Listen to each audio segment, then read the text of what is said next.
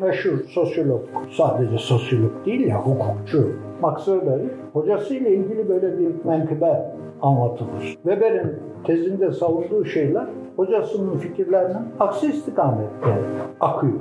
Tez boyunca hocasıyla münakaşa, müzakere ediyorlar.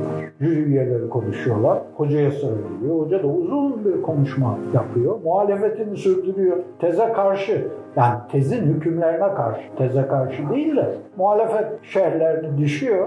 Fakat sonunda diyor ki artık ölürsem gözüm arkada gitmeyecek. Koltuğumu dolduracak bir adam var burada ve pek iyi ve imzalıyor. Fikirlerine tamamen karşı. Fikirlerine karşı olsun ne olacak? Yani kimin talebesi diyecekler. Akademik gelişme biraz böyle olur. Yani akademik gelişme dediğimiz şey bir defa söylemiş bir cümleyi ve hükmü kıyamete kadar tekrarlamak ve farklı versiyonlarını ortaya çıkarmak değil ki. İşte tez de bu demek zaten. Yani tez demek yeni bir fikir savunacaksınız. En azından o tez konusunda ortaya konan fikirlere yeni bir saha açacaksınız. Yeni bir yorum getireceksiniz en azından. Tez bu demek zaten.